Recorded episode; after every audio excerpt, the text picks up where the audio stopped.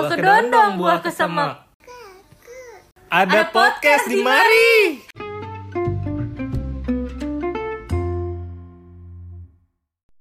Assalamualaikum warahmatullahi wabarakatuh. Kembali lagi kalian mendengarkan APD. Ada, podcast di mari. Balik lagi bersama gue Grace. Gue eh, Deo. Kenapa lu bang deg-degan banget? Grogi. Oh, grogi. Baru baru baru Baru- baru episode 2 nih. Baru episode 2 nih ya. Ngapain ya bang? Kita mau bahas apa nih? Kemarin kan kita udah cerita-cerita tentang eh, gimana perjalanan kita. Mungkin kita bisa cerita kali ya. eh, setelah kita masuk itu apa aja sih yang terjadi waktu pas dunia perkuliahan Oh, tuh? Oke. Apa sama aja sama kuliah lain? Apa ada yang beda gak gitu? Apa ada yang spesialnya agak dari dunia kedokterannya? Kalau misalkan ya sama-sama aja mendingan Gak ya usah. nggak usah, nggak usah masuk kedokteran. Oh gitu. ya jadi guys, di episode kali ini, di episode 2 tepatnya kita mau ngebahas tentang apa aja sih yang dilakuin anak FK selama kuliah tuh? Ngebosenin kah atau ada lika-likunya? Kita jabarin di sini. Oke. Jadi gue nanya-nanya dulu nih sama abang gue. Mm-mm. Lo selama kuliah ngapain aja bang? selama kuliah. Sebelumnya eh, kan karena masih di awal-awal nih, jadi semuanya jadi harus tahu dulu nih perjalanan kita eh, sampai ke dokter tuh gimana nih. Jadi Oh, oke, nanti oke. setelahnya episode-episode berikutnya jadi nggak bingung gitu. Oh oke ya oke kan? oke oke. Gimana Jadi- tuh gimana tuh? Pertama ya biasa kuliah, jadi kuliah selama 4 tahun, Namanya tiga setengah sampai empat tahun. Oh. Eh, namanya preklinik atau ya sama Sar- aja sih Iya, sarjana. sarjana nanti. kedokteran Sarjana tuh kedokteran. disebut fase preklinik fase ya. preklinik. Kemudian ada fase koas, ya kan? Ada fase koas eh, di mana ya? itu selama 2 tahun. Ada Hmm. beberapa blok.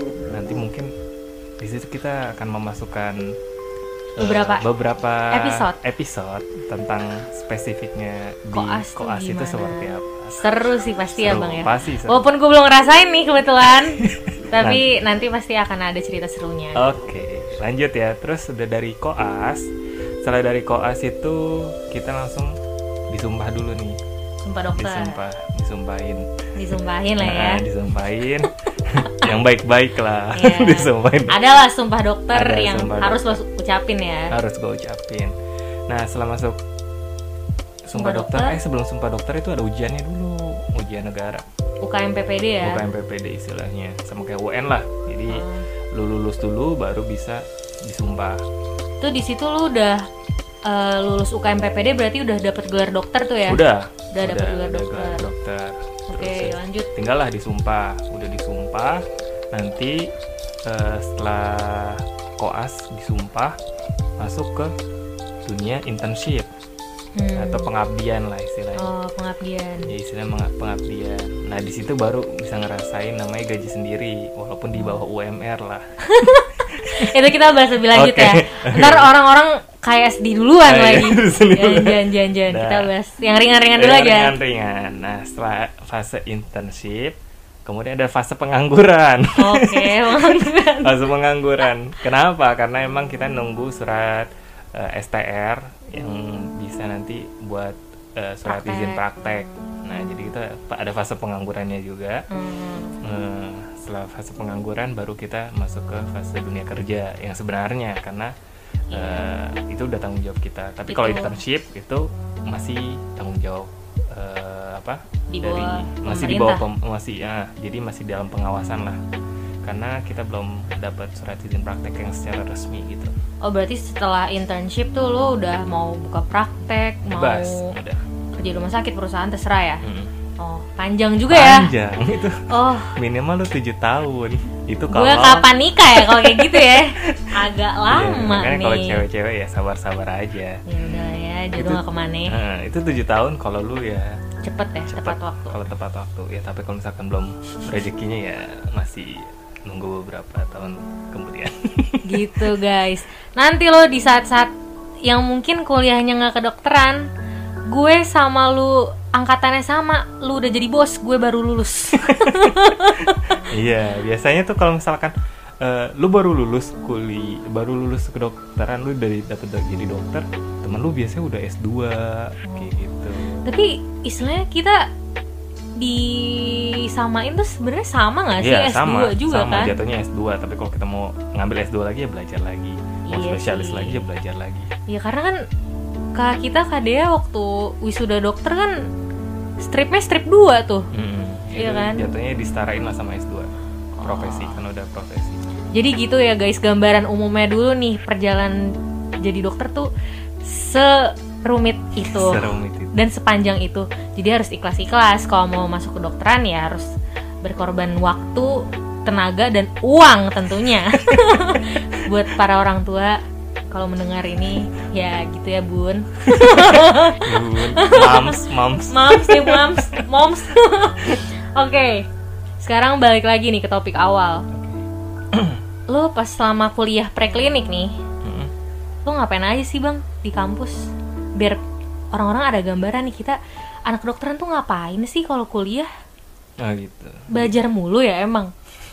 Juga sebenarnya sih. ya nggak juga sih. Kalau misalkan dibilang belajar terus sih tergantung orangnya ya. Mau dibawa santai atau emang niatnya emang fokus buat belajar belajar belajar belajar. Kalau gue orangnya ya santai sih. Jadi Oh, oke, oke, jadi nggak nggak nggak harus belajar belajar gitu.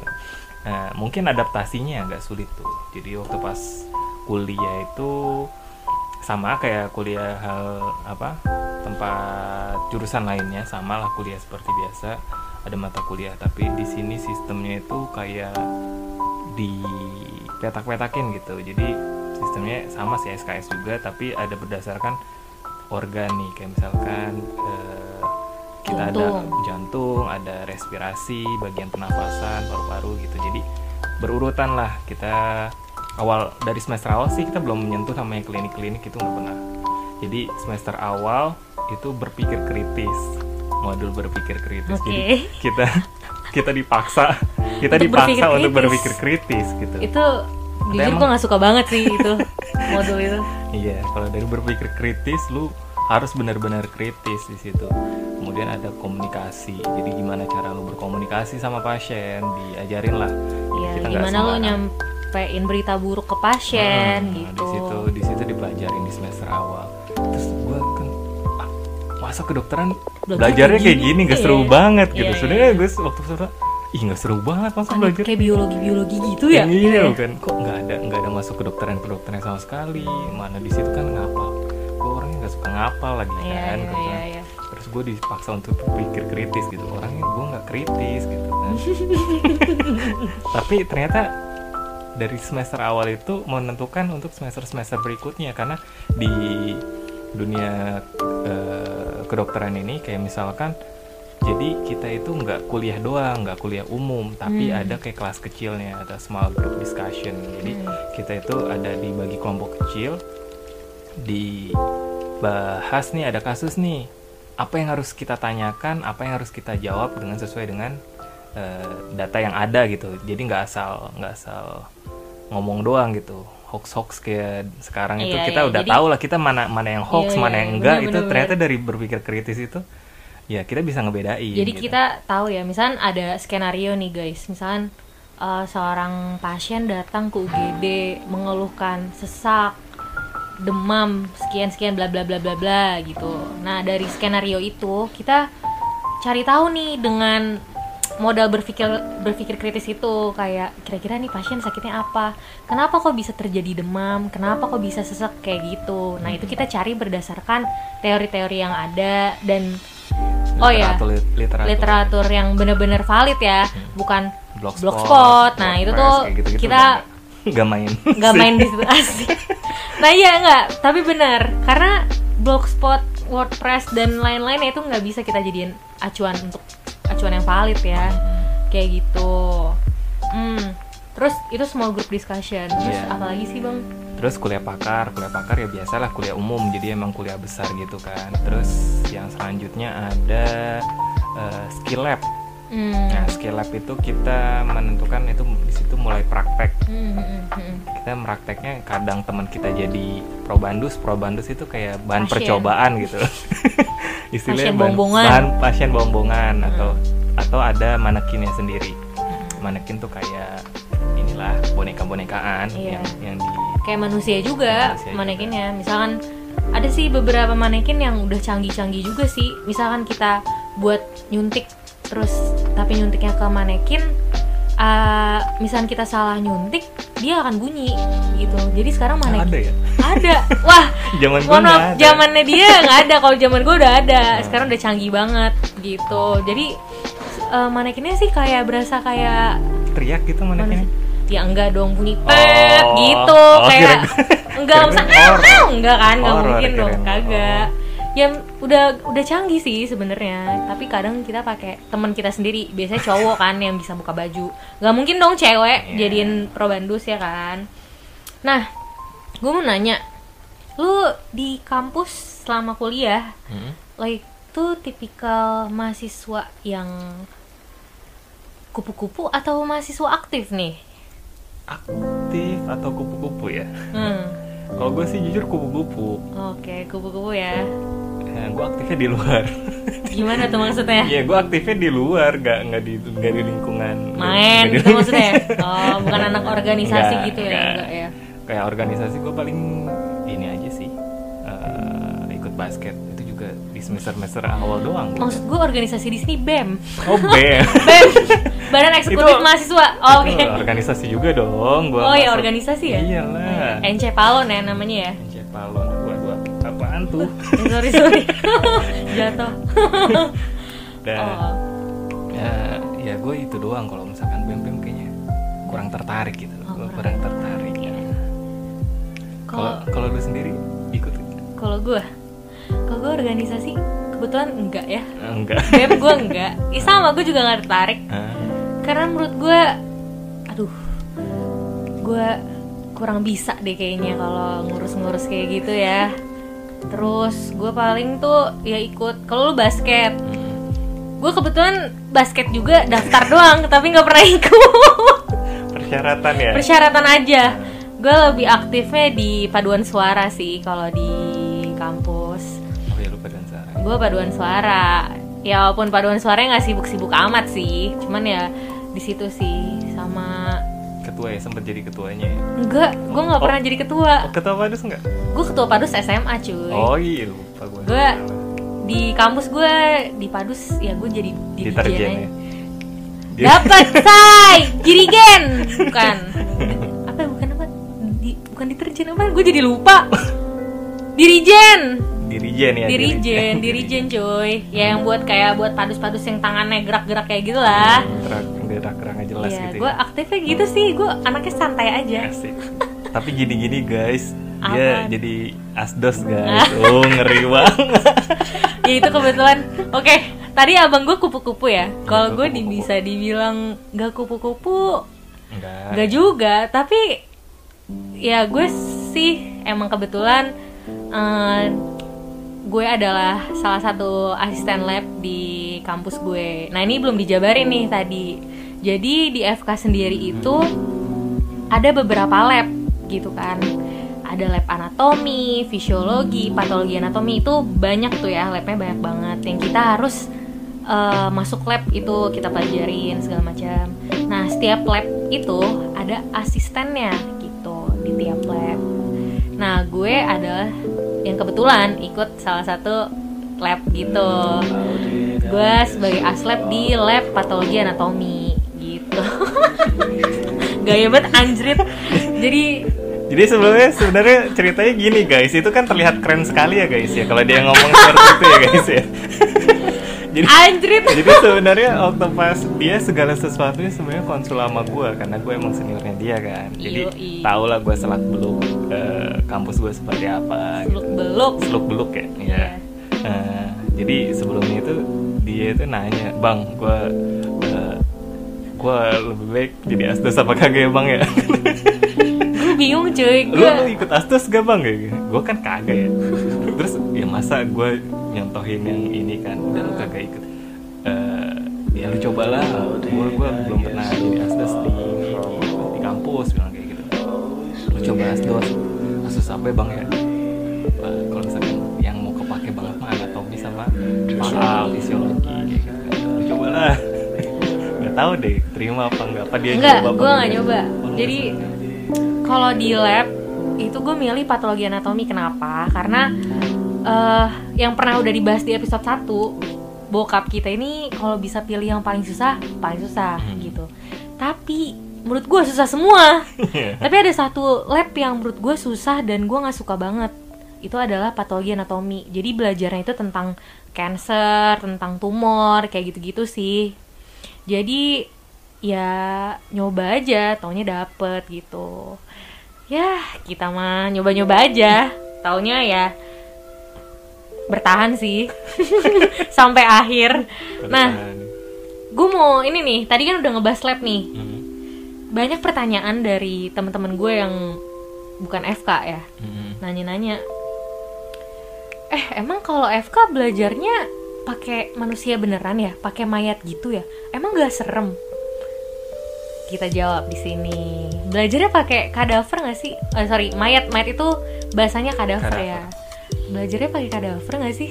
Nah, jadi di awal-awal itu kan kayak istilahnya itu eh, mos eh bukan mos ya kalau mos kan Ospek. ospek ya Hmm. ospek nah dari ospek itu kan kita itu dikenalin tuh satu-satu mau dari eh, cara eh, ruang belajar kita kemudian habis itu lab-lab kita semuanya di satu-satu Tour lab gitu ya. iya, tour lab gitu terus masuklah lab anatomi ini tempat ada eh, mayat gitu yang kita harus pelajari. Istilah sebenarnya kalau mayat itu kurang sopan ya gitu kan Iya. dibilang kadaver lah istilahnya. Bapak ibu kadaver. Iya, bapak ibu kadaver. Karena karena ya kadaver ini ya guru kita. guru kita karena kita belajar dari belajar dari beliau-beliau. Jadi eh, tadi yang udah gue beberapa sebutin lab itu lab yang belajar pakai kadaver yang kita pelajarin tentang sistem anatomi tubuh manusia itu kita belajar di lab anatomi gitu. Jadi di labnya itu eh, ya ya benar kita belajarnya pakai kadaver. Eh, di mana kadavernya tuh ya di tengah kita ngelilingin kadaver bapak ibu kadaver itu. Jadi kita ngelihat sebenarnya di tubuh kita tuh isinya apa sih gitu dari jantung, paru, semuanya pokoknya dari saraf, pembuluh darah semuanya ada di situ kelihatan. nggak ngeliat doang Nggak ngeliat doang, tapi ya Pegang dipegang juga. gitu. Dan di lab itu tuh bukan cuma mayat utuh aja yang dari kepala sampai kaki, tapi eh, ada museum ini juga eh, bagian organ-organ tubuh yang udah dipotong-potong juga. Gimana ya maksudnya? Bahasanya intinya kayak gitu. Jadi agak horor ya agak horor ya emang iya agak horor Iya, sih agak horor. jadi kayak misalkan otak otak semua gitu. Terus eh, tengkorak ya tengkorak di apa kayak di ini loh. Bisa-bisa lah. Dipisah-pisah. Ada yang kayak gitu tapi ada yang kita belajar dari yang utuh yang Hmm, mayat. kayak gitu. Itu mayatnya dari mana sih dapetnya? Nah Oh. pasti tuh orang kan mikirnya gitu tuh. Jahat banget sih. Aku belajarnya dari mayat? Emang gak dikubur gini gini gini? Hmm, Lu menjawab itu gimana? Gimana ya? Sebenarnya eh, kalau itu sih emang ada dari rumah sakit karena dari tim forensik lah istilahnya.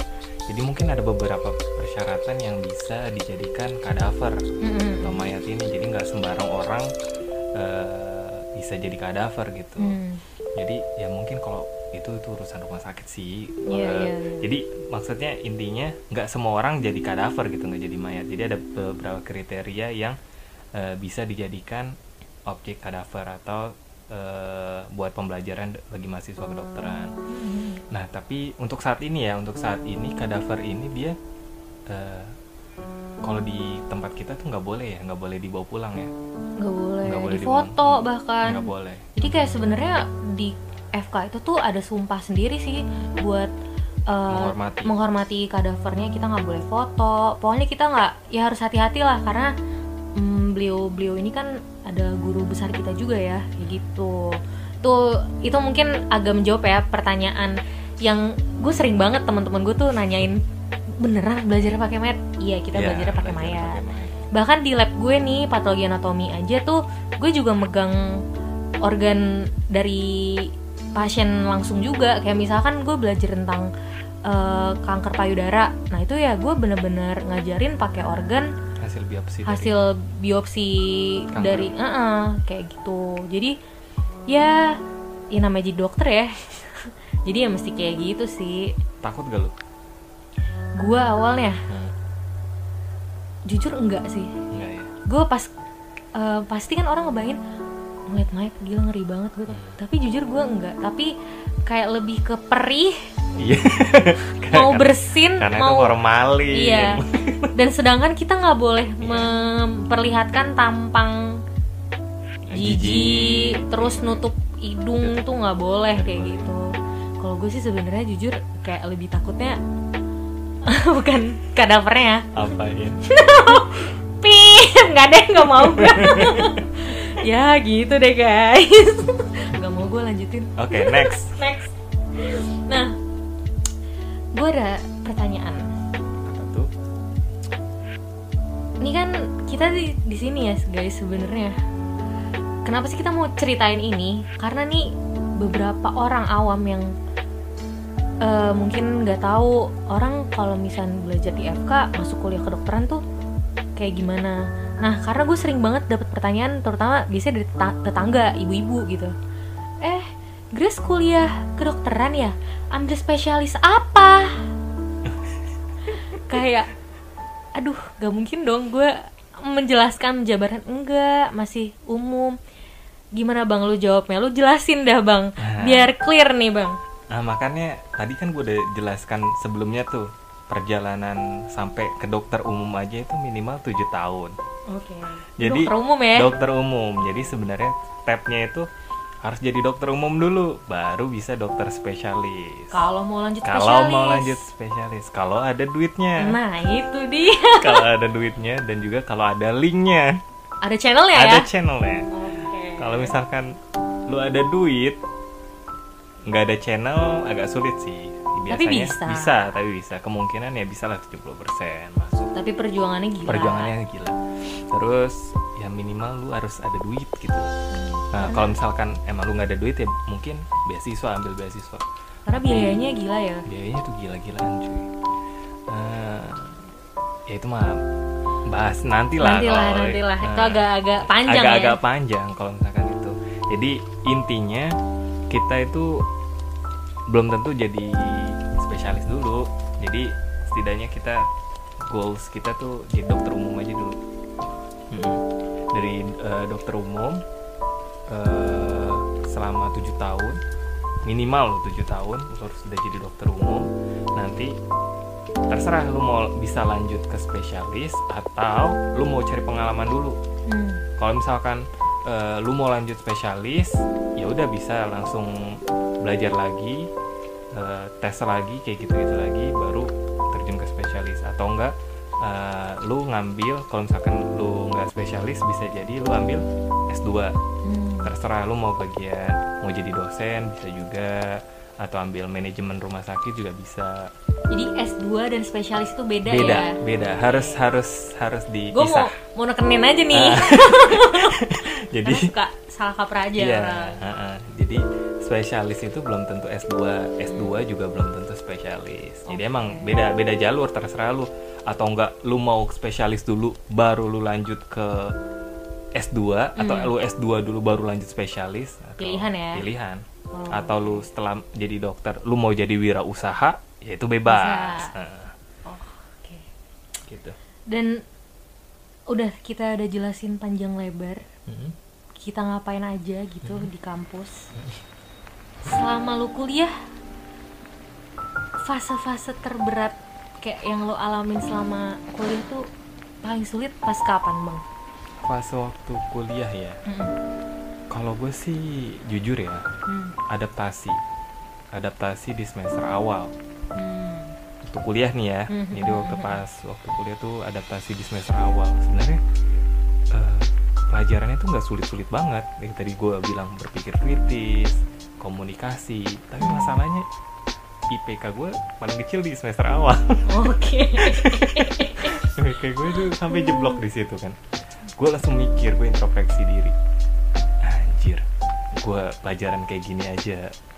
Gue jeblok gitu apalagi ke klinik ya. Gue mikirnya kayak Iya, gitu. iya, iya. gue duh gue bisa lulus tepat waktu. Gue langsung mikir di semester awal kayak gitu udahlah eh, berjalannya waktu gue masuk semester 2 masuk semester 2 ternyata lebih menarik gitu. Jadi ke klinis klinis malah lebih menarik Lo gitu Oh, merasa loh. menarik ya? lebih menarik. Oke, gue nggak gue nggak merasa terbebani. gue gue nggak merasa terbebani. Kalau misalkan dari semester 2 sampai akhir gue nggak merasa terbebani.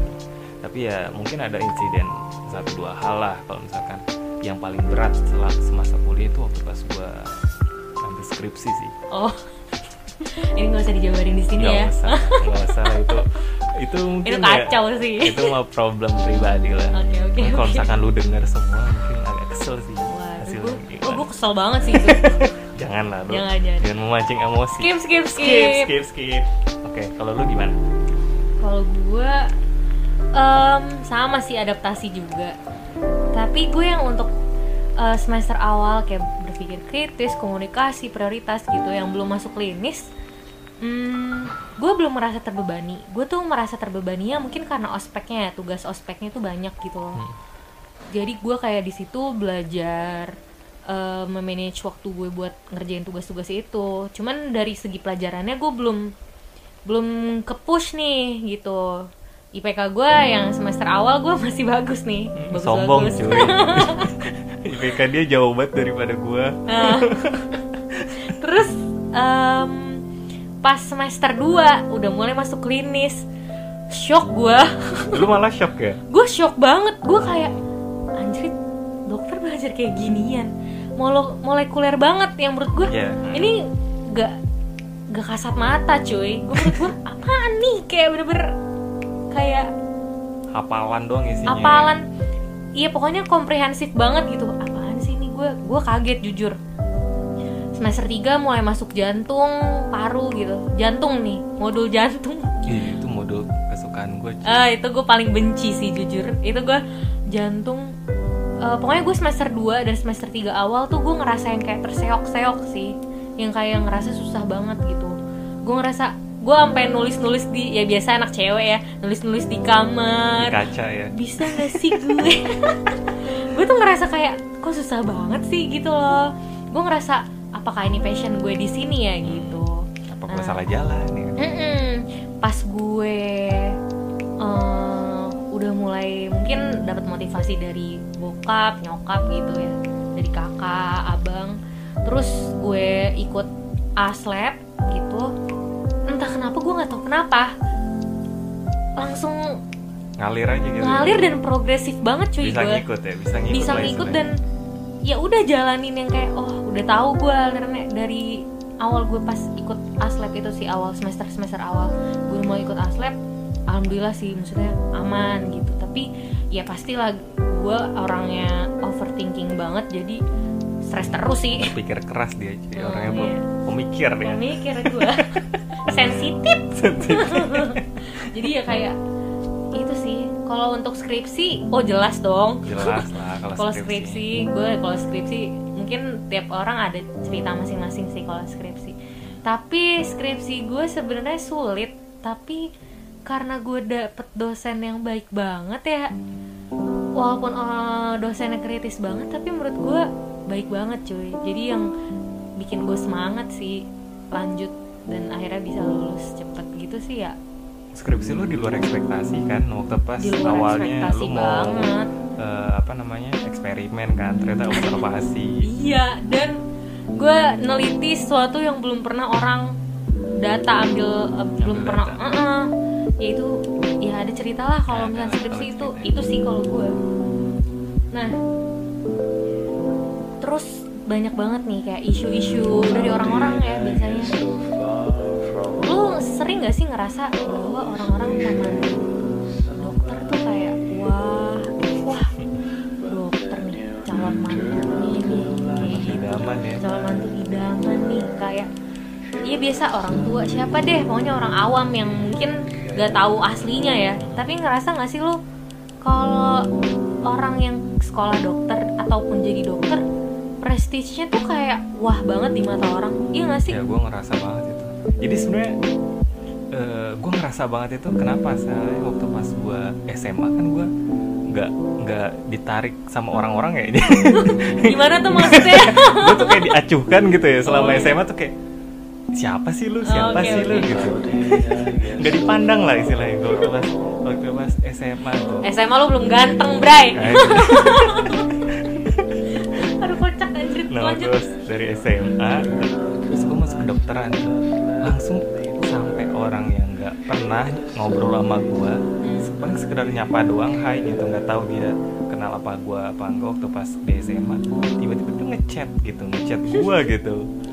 Terus ya biasa lah antara pria dan wanita kan. Oke. Ya kan, ngechat. Agresif ya. agresif kan? Oh. wow.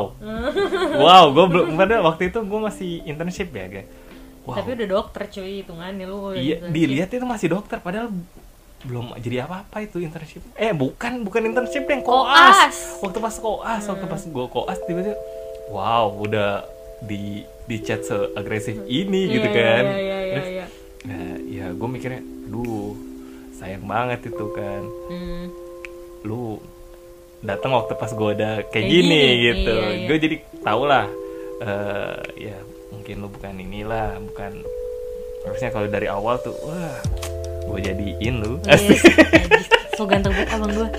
Disclaimer guys, jadi abang gue tuh beberapa kali sering banget kayak eh, pasien minta nawarin jadi mertuanya. Jadi kayak lo mau nggak jadi mantu gue? Eh, Posisinya abang gue lagi praktek nih di rumah iya, sakit nih. pas Itu lagi koas gue eh, koas malah. waktu pas mau operasi kan Hmm. pasiennya dok gitu padahal gue pakai masker kan Mhm. dok gitu masih muda ya dok gitu Hmm. mau gue sama anak saya Dan itu nggak sekali ya. Nggak sekali itu nggak sekali ya. Jadi Beberapa kayak kali. makanya gue tuh bingung kenapa ya prestisnya terlalu tinggi ya terlalu tinggi orang-orang tuh ngerasa dokter tuh wah keren banget. Ini Padahal tapi penghasilannya sebenarnya penghasilannya kacau ya kalau ngebahas penghasilan? Penghasilan? sih sedih sih. Sedih ya? Beda lah kalau di Indonesia ya, mah. beda lah kalau- tapi walaupun tapi orang-orang tuh nggak tahu yang bahwa eh, gaji dokter tuh gak gede nggak gitu. gede nggak gede. Tapi orang tuh mandangnya apa mungkin ini ya? Pertama mungkin pasti mandangnya oh apa dokter nih pasti belajar mulu. Kerjanya belajar mulu. Dan banget nih orang nih kayaknya nih. Biaya nggak sih bang? Biaya aduh kalau misalkan Karena biaya nggak ya, sih? iyalah. Kalau dari biaya ya karena emang masuknya itu sih gila-gilaan. Iya gila-gilaan gila banget. gila-gilaan. Gila banget sih. Gue gak tau dah emak tahu bapak. ya. Rezekinya ada aja sih. ada yang aja yang penting ya kita doa aja terus eh, rezeki biar lancar kayak gitu. Akhirnya ya bisa juga kalau misalkan dihitung bisa balik modal apa enggak enggak hmm, bisa mungkin tapi lama banget kali lu kalau mau jadi spesialis lah Iya. Balik modal. Iya bisa balik modal waktu pas kalau lu jadi spesialis dengan cepat. Tapi kalau misalkan eh, misalkan lu enggak, ya lama banget lah dibilang. Lebih baik lu masuk pilot deh. Soalnya ya Iya iya jor-joran di awal, tapi nanti baliknya cepet banget. Kalau pilot, tapi kalau misalkan kedokteran, lu jangan harap jadi tuh sebenarnya kalau lu mau kaya lu jangan mau jadi dokter sih Betul. bener-bener ya lu nggak jangan jadi dokter kalau mau cepet kaya gitu soalnya salah, salah itu salah. itu salah sih ya mungkin kalau misalnya mau jadi dokter tuh ya emang dari awal niatnya ya Ngebantu emang lu orang. ngebantu orang dan lu ngerasa emang passion lu di situ Hmm. dan lu suka eh, sama pelajarannya sama segala macam tindakan eh, yang dokter-dokter gitu ya itu sih sebenarnya tapi kalau masalah cuan ya mohon Cuan. maaf Mohon maaf, mohon maaf deh disarankan jangan masuk ke dokteran. Iya gitu karena modalnya gede banget Gede sih banget. karena orang tua kita juga wah ini banget ya. Jadi makanya orang-orang tuh menganggap bahwa kalau masuk FK tuh Orang dianggapnya kaya. orang kaya padahal kagak juga cuy. Enggak juga, Nggak semua, enggak semuanya tapi gitu. ada yang orang Tapi kaya. banyak, banyak. ya? tapi banyak wah teman-teman gua. Iyalah. Tapi nggak semuanya gitu yang kayak tergolong orang kaya enggak juga. Misalnya eh tapi emang kalau buat rezeki buat anak-anak mah ya Ada aja ya. terutama orang tua kita nih gitu. Nih kalau misalnya dijabarin hmm, gue nih ya buat masuk ke dokteran eh, buat masuk ke dokteran itu biayanya berapa berapa ya bang? Nggak 300 juta itu buat Masuknya doang, masuk kan? doang biaya gedung 300 juta. perjalanannya masih panjang. belum lu per semester per semester lu dua 20-an juta ke Itu di atas awal-awal. itu di awal-awal nanti kalau udah semester 5 tu- sampai 7 itu ya makin turun seiring ini SKS kan ya jadi kok astar lu bayar lagi nanti lu eh, selesai koas eh, internship internship bayar lagi nggak? Internship enggak Oh, internship gak bayar lagi Bayar tapi lo dapet duit dapet gaji kan udah dapet gaji. Di bawah UMR iya. Ditekanin ya. Iya. Nah setelah lu udah dapet STR SIP nanti lu harus ikut pelatihan lagi. Latihan lagi dan itu lu bayar. Dan lu bayar lagi. Jadi kayak bayarannya itu enggak ratus ribu dong cuy. Ini jutaan ya? Iya. lu belum berpenghasilan tetap tapi lu harus sudah mengeluarkan duit se- sekian dan Iya. itu ya lu malu sendiri lah kalau misalkan udah masuk udah jadi dokter ternyata lu minta ke orang tua itu malu sendiri. Ya gimana caranya lu dapetin duit buat pelatihan diri lu sendiri. Jadi ya susah-susah dulu lah di awal. Iya sih bener. Ya mungkin kalau misalnya dibahas semuanya panjang ya dan isu-isunya kalau misalkan dibongkar semuanya. Dibongkar semuanya. Dibongkar semuanya nggak kelar-kelar kali. Nah mungkin nanti ini kan untuk masa preklinik ya. Nanti mungkin kita bisa bahas lagi buat eh, pengalaman-pengalaman yang lain di masa koas kek atau yang udah pernah lo alamin. Nanti kita bahas lagi ya. Tapi untuk kayak masalah preklinik mungkin sekian kali ya. Iya, Udah kali ya untuk masalah biaya segala macem ya namanya rezeki tuh pasti ada aja buat sekolah kalau misalnya lo ngerasa lo pengen jadi dokter itu cita-cita lo dari dulu ya jalanin aja. Diusahain tapi kalau misalkan emang belum jalannya jangan dipaksakan. Iya. ya mungkin nanti anak lu eh, cucu lu nanti bisa jadi dokter. Iya. Betul betul betul. Setuju setuju. Untuk episode kali ini udah kali ya bang ya? Udah Mm-mm, cukup udah. dulu kali ya. Kita nanti lanjut eh, di episode berikutnya kalau pada mau dengerin. Jadi tunggu ya episode selanjutnya untuk pembahasannya ya. Kita lihat nanti ya. Oke terima kasih yang udah mau ngedengerin ya ikutin kami terus. Apaan? Ya jangan lupa didengerin podcast kita yang ngalor ngidul ini. Semoga Tempat- bermanfaat Oh iya, semoga bermanfaat. Terima kasih. Wassalamualaikum Wassalamualaikum warahmatullahi warahmatullahi wabarakatuh. wabarakatuh.